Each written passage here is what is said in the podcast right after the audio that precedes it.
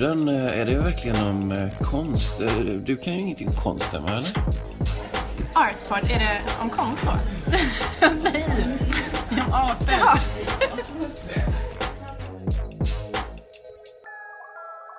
Hej och välkomna till ekologigruppens podcast Artpodden.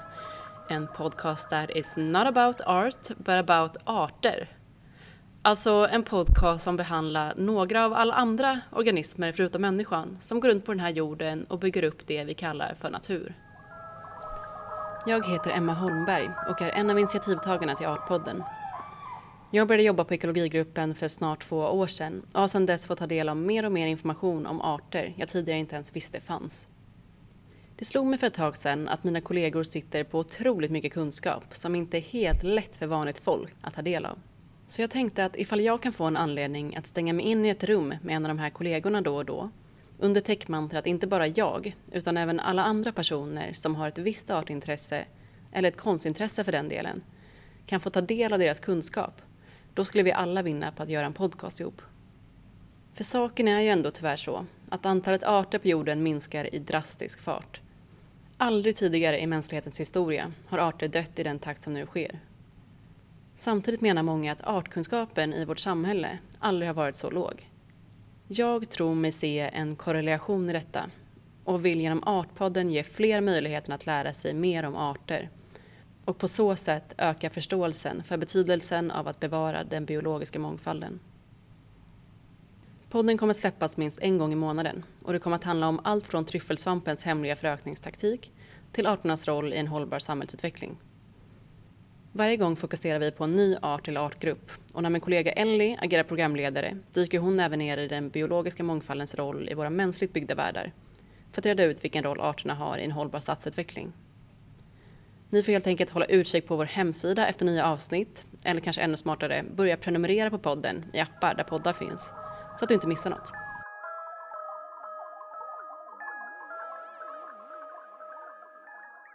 För mig var det ingen tvekan om att det första avsnittet det skulle handla om svamp. Dels för att det är höst och jag älskar att ta mig ut i Tyresta nationalpark och plocka trattisar och trumpetsvampar så här års. Men också för att svampar för mig ter sig som otroligt mystiska organismer. Det var så mycket jag inte visste om svampar som jag ville ta reda på.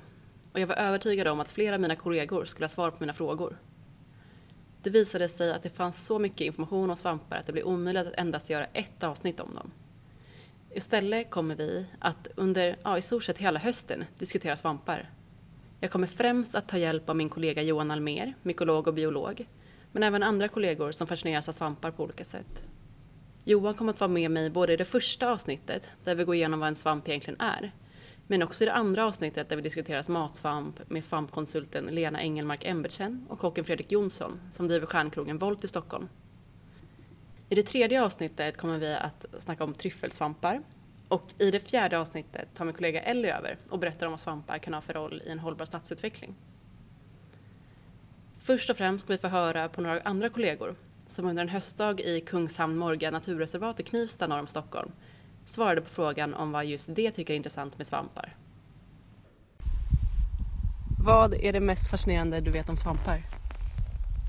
Alltså det mest fascinerande tycker jag är den eh, Alltså det faktum att det finns så mycket eh, interaktioner mellan svampar och växter. Att de är så eh, Växter är liksom helt, till stor del beroende på att det finns mykorrhizasvampar som tar upp näringen åt dem. Alltså att de, rötterna är liksom i många fall bara en väldigt liten del och kanske inte kan ta upp så jättemycket. Men de här enorma svamphyfnätverken i marken som står för kanske en stor del av den här produktionen av växter på jorden. Det tycker jag är fascinerande. Aina, vad är det bästa du vet om svamp? En sak som jag tycker är väldigt spännande med svampar är ju att de kan bilda symbios tillsammans med alger och då blir de lavar. Ja, jag gillar att äta svampar. Ja. Det tycker jag är jättegott. Några favoriter?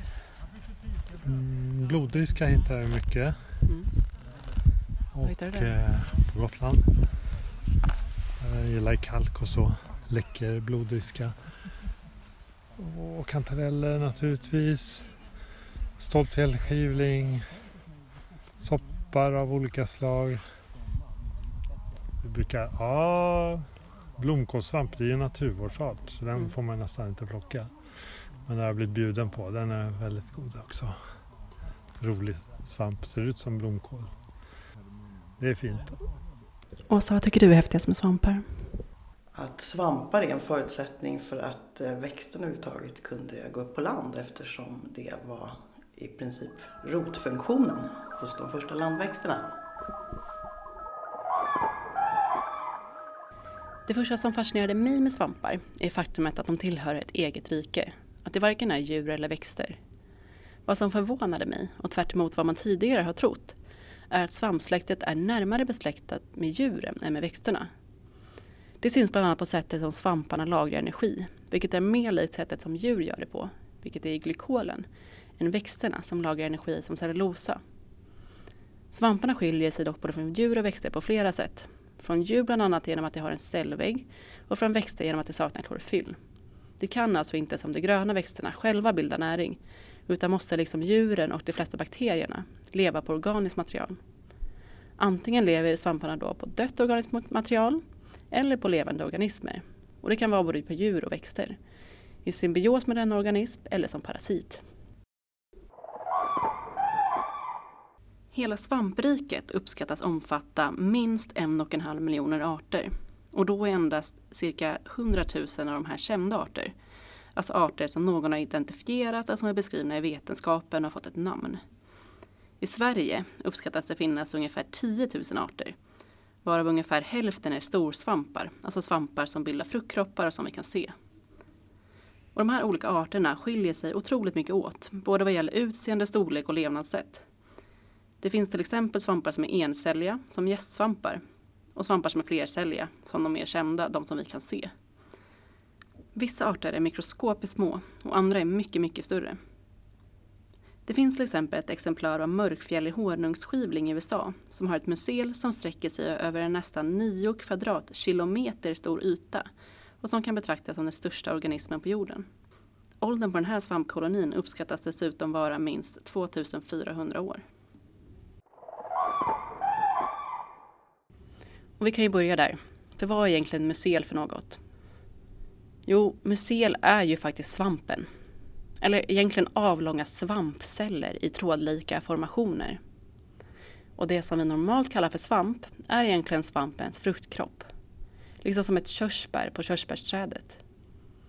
Och alla svampar får inte fruktkroppar. Vissa svampar bildar fruktkroppar flera gånger per år, vissa väldigt sällan och vissa gör det inte alls. Men svampen finns här sådär ändå, gömd för oss under ytan. Johan Almér, mykolog, biolog och kollega. Svampar lever på olika sätt och brukar delas in i grupper baserat på deras olika metoder för att få näring. Mm. Kan du utveckla? Ja, det kan man väl göra lite enkelt. Eh, och kan ju se till svenska förhållanden först och främst. Eh, Så har man ju bland storsvamparna då, som är det vi ofta ser då när vi är ute i skog och mark, som kantareller och kaljon och sånt, så är många svampar eh, bildar mykorrhiza med träd, där de har ett samspel då med träden och eh, ett utbyte av tjänster så att säga. Så att svamparna ger eller tillgodoser träden med eh, vatten och närsalter samtidigt som de kan få näringsämnen från, från träden. Och på det sättet har ett ömsesidigt eh, samspel. Och sen finns det då svampar som inte är lika snälla mot träd, som helt enkelt lever parasitiskt på dem då och är patogena. Vad betyder patogena? Patogena, ja, så att de är sjukdom, sjukdomsalstrande, de dödar träden. Och sen så har man då svampar som bryter ner träd som har dött och som är vedlevande svampar. Och eh, där finns det också en grupp som lever i marken och bryter ner förnan då, det som, ja, dels det som blir kvar av de nedbrutna träden men även eh, annat eh, organiskt material som faller ner på marken som löv, barr och, och kanske även djurrester och sånt. Mm. Eh, som kallas för förna levande svampar. Och det är väl egentligen de tre huvudgrupperna och eh, man kan väl säga att man hittar liknande lite förhållanden på, mm, i alla fall bland patogena svampar då, så har vi det även hos människor tyvärr. En del arter som är otäcka och kan ställa till det för oss. Sen har vi fotsvamp till exempel som är en lite otrevlig men rätt så ofarlig eh, liten svamp. Men eh, det är väl de tre huvudgrupperna egentligen med eh, mykorrhizasvampar och eh, patogena svampar och nedbrytare av organiskt material. De bryter ju ner väldigt svårtillgängliga substanser eller föreningar egentligen i träden som består av cellulosaföreningar som är väldigt svårnedbrytbara. Det är egentligen bara svamparna som kan bryta ner dem ordentligt och i och med det så frigör de då näring till andra organismer och eh, det blir ju den här humustäcket som jag pratar om i, i, i skogsmark då, det är ju till stor del svamparnas, ja, deras nedbrytningsprocesser som bidrar till det.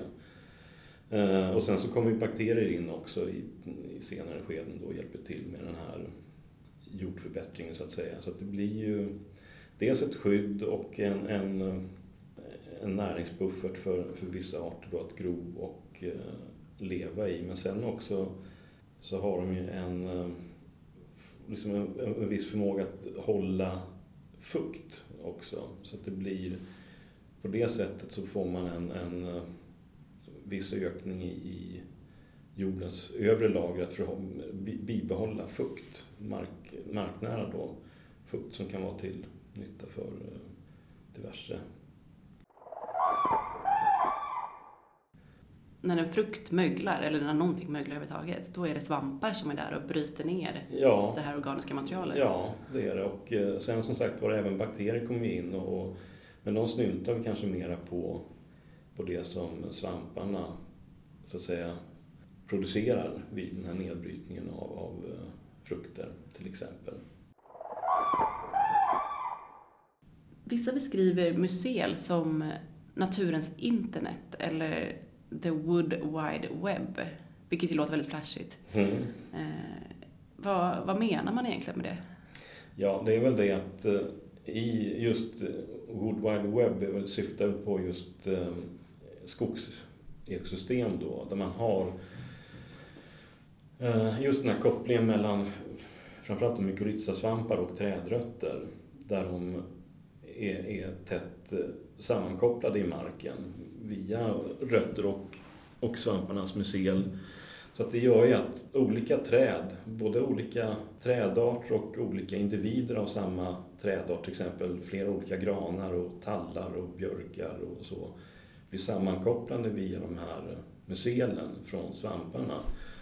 Och eh, svamparna också blir, är ju sammankopplade mellan olika arter. Dels mykorrhizasvampar men även då som förnasvampar då och även säkert en hel del vedlevande svampar som även finns i marken.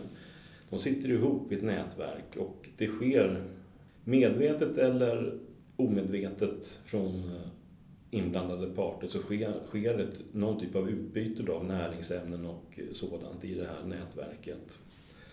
Och eh, det finns ju studier som har visat på från Nordamerika där, där man har sett att äldre träd har haft en förmåga att tillgodose yngre planter, trädplanter av andra trädarter också med kol, kolföreningar. Och att det har skett då via de här mycelkopplingarna. Och man har även visat i senare studier att det funkar med eh, fosfor och eh, kväve.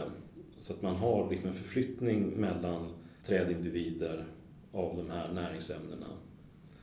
Och eh, i vilken utsträckning det rör sig om direkt kommunikation eller om det är mera indirekta interaktioner och förflyttningar. Att alltså träd som sitter i det här nätverket och även andra svampar kan nyttja näring som är i rörelse i, i det här systemet.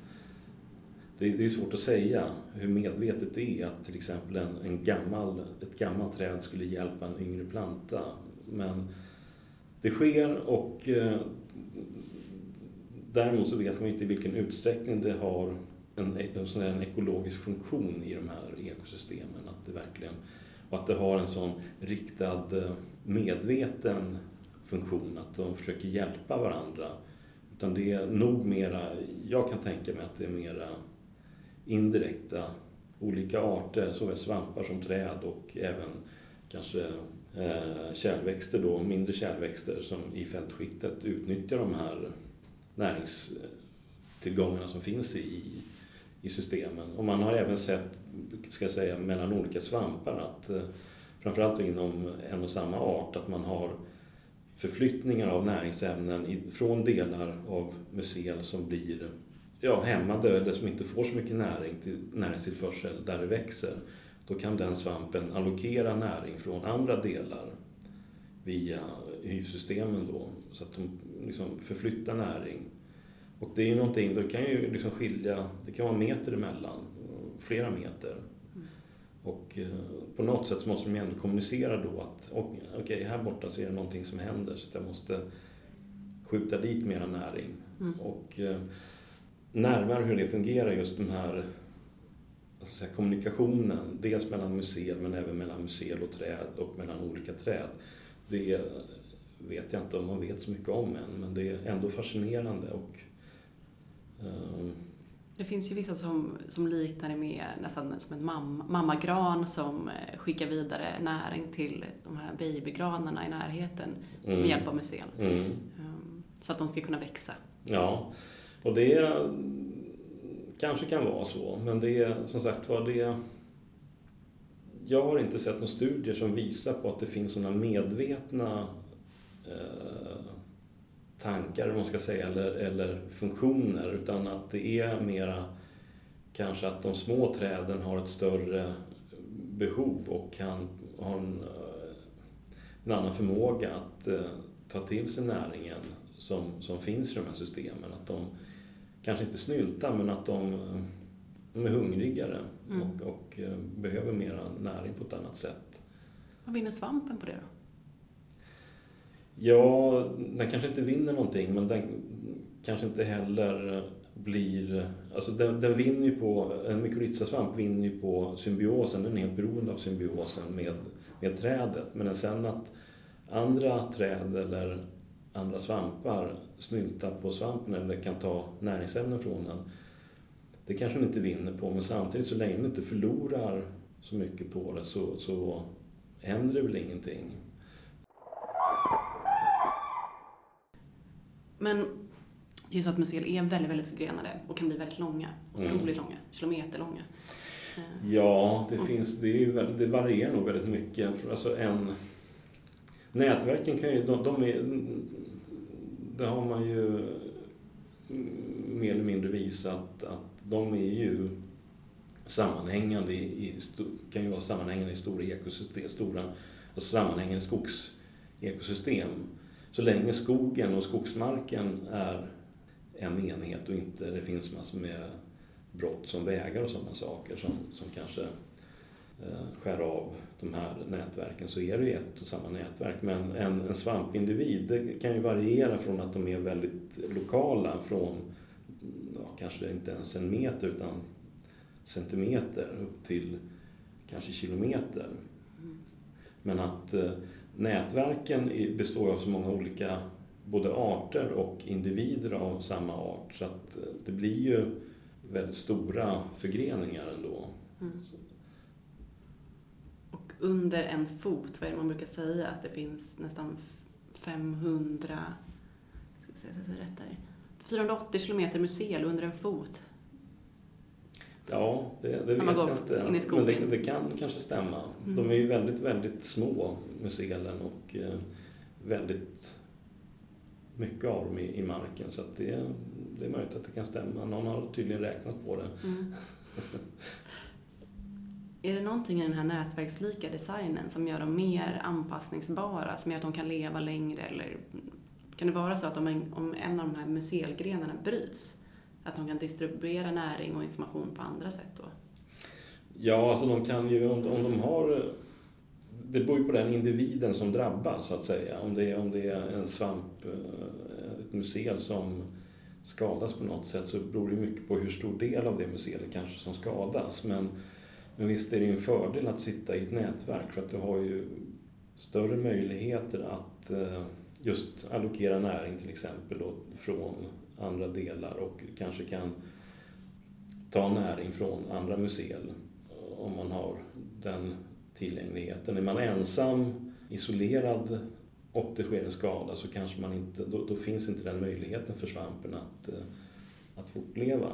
Så, att, så är det ju sannolikt att, att de eh, gynnas av den här ja, sammanhållningen i marken så att säga. Men, men att sen också skulle jag säga att för skogsmiljöerna som det framförallt rör sig om i de här nätverken så är det ju väldigt viktigt för att det gör ju hela säga, den ekologiska funktionen mer stabil. På vilket sätt då? Jo, men det har, sker det någonting, alltså i flera träd dör, så har du ju ändå en, en stor del av diversiteten kvar. Alltså mykorrhizasvamparna då så, som lever av levande träd, eller ja, är beroende av levande träd för, för att leva helt enkelt. Dör ett träd, då försvinner ju mykorrhizan från det trädets rötter. Och, men i och med att de sitter ihop med, i förgreningar, dels med andra träd, samma individer som satt på det trädet är säkert kopplade till andra träd också. Och det gör ju att de har en större förmåga att överleva och etablera sig på nytt när nya plantor kommer, när det här trädet försvann. Och eh, även funktionen för träden förbättras ju på olika sätt med, med den här svampnätverken. Att de kan säkert gynnas av, framförallt vid torka och sånt, att det blir, alltså, det blir väldigt, väldigt, väldigt stora upptagningsområden för vatten till exempel. Och mycket av museerna är ytnära men det går ju ner en bit i marken också och det är liksom, i stora områden så kan man tänka sig att det sker en viss, kan ske en viss förflyttning av eh, eh, vid torka och sånt så att, så att fler träd än de som är om det kommer en väldigt lokal skur eller om det är så att det är fuktigare i en del av, av ett område så kan det nog liksom gynna fler träd än de som står precis där det är fuktigt. Att det, det liksom kan fördela sig i, mm. i systemen. Har det verkligen samarbete? Ja, samarbete eller en, ja, jag vet inte hur... de organismer som är inblandade i det drar ju nytta av det på något sätt. Och sen så är det säkert vissa individer och kanske under vissa tillfällen som drar mindre nytta av det. Får, det kostar mer för dem och andra drar mer nytta av det. Men det kan nog variera också beroende på Eh, förhållanden och vad som, ja, vilka egentligen miljöförhållanden som råder för tillfället. Vilka arter och individer som, som drar mest nytta och vilka som drabbas mest. Men eh, någon, någon, typ av hjälp är det ju från alla inblandade. Mm. Okej, och eh, om jag ställer frågan vad tycker du är det mest fascinerande med svampar? Vad svarar du då? Eh, ja, vad svarar jag på det? Allting. Eller väldigt mycket. Jag började på 90-talet med, med svamp och då var det ju för att eh, använda dem som verktyg i, ja, i naturvårdsarbetet. Och eh, i med det intresset så kom jag också i kontakt med en mykolog som jobbade på Naturhistoriska riksmuseet, Åke Strid. Och eh, vi var ute väldigt mycket i, i skog och mark och tittade på svamp och så. Då fick jag ett bredare intresse för dels eh, arter men också just kanske svampekologi och liksom hur fungerar det? Det är lite mystik över svampar. Eh, så att jag har ju, jag fascineras av väldigt mycket. Jag, och fortfarande så tycker jag det är kul att bara gå ut och titta på svampar. Och det behöver inte vara ovanliga arter utan det är liksom vara ute i skogen och, och leta arter. Det är Kul, Det är alltid kul att hitta nya saker. Och sen så just bland vedsvamparna så är det väldigt mycket arter som är svåra att bestämma i fält. Eller det går egentligen inte att bestämma i fält. Man får ta hem dem och titta på dem i mikroskop. Och det är ännu mer fascinerande faktiskt att se de här mikroskopiska karaktärerna på då är det oftast fruktkroppar man tittar på, men det är formen på basidierna, alltså det är där sporerna bildas då, det är små klubbformiga celler med små horn i kan man säga. Och på de här små hornen så bildas det sporer. Mm. Och eh, ja, de har diverse sterila organ i, i de här, eller cellformationer som är väldigt spektakulära och fina att titta på i mikroskop. Men sen är det ju framförallt kanske det som fascinerar mig med svamp är ju de här anpassningsförmågan, att, att de är så väldigt... Eh, de finns överallt och de har en förmåga att eh, i stor utsträckning eh, liksom, ja, klara av miljöer som få andra arter klarar. De klarar av att bryta ner, alltså ta näring från diverse eh, syntetiska material. och Sånt kan ju också brytas ner. Så länge det finns någon typ av kolkälla eller någonting så, så kan de ju ta tillvara på det, vilket många... Syntetiska material? Ja, ja, det syntetiska, men jag tänker mig, ja det är väl organiska material, men, men eh, ja, diverse avfall och sånt som är eh, även liksom framställt av människan. Men det är som till exempel med petroleum, eh, alltså bryta ner petroleumrester då. Och det har ju visat sig i, det var väl i Nordamerika man gjorde det med ostronskivling, att man Ehm, inokulerar väl mycel i, i de här eh, avfallen. Och eh, mycelet växte och eh, bröt ner, omvandlade de här produkterna till, till kolhydrater och socker då, sockerprodukter och bildade, alltså byggde upp en biomassa så att den kunde bilda fruktkroppar. Och det är inte så många Nej, andra organismer som klarar av en sån sak. Så det, är, det är väldigt fascinerande och det finns nog väldigt många områden där vi kan nyttja svampar på olika sätt. Vi gör det inom läkemedelsindustrin idag och i olika processer i matindustri och sånt men det finns oerhört mycket mer att hämta från svamparna på olika sätt och eh, ha, ha nytta av. På vilket sätt tror du vi kommer att utnyttja svampar mer i framtiden? Det vet jag faktiskt inte, men jag kan tänka mig att ehm, just i sådana här alltså, hantering av förorenade områden så tror jag att det finns en potential. Och, ehm, det är väldigt mycket tal om skogen och träden och deras förmåga att binda kol. Men man pratar egentligen inte om mykorrhizasvamparnas förmåga att bilda, eller binda stora mängder kol i marken. Och eh, det fungerar bara så länge träden får stå kvar och växa på plats. När du, när du avverkar ett träd, och gör, även om du gör då en, en hållbar produkt av det, som timmer, som får stå väldigt länge. Någon gång kommer det brinna eller så ändå och, och liksom tillföras. Men, men att eh, när man avverkar ett träd, även om det görs då produkter som är hållbara så att säga, så kommer man ju frigöra väldigt mycket kol i marken som de här mykorrhizasvamparna har bundit upp.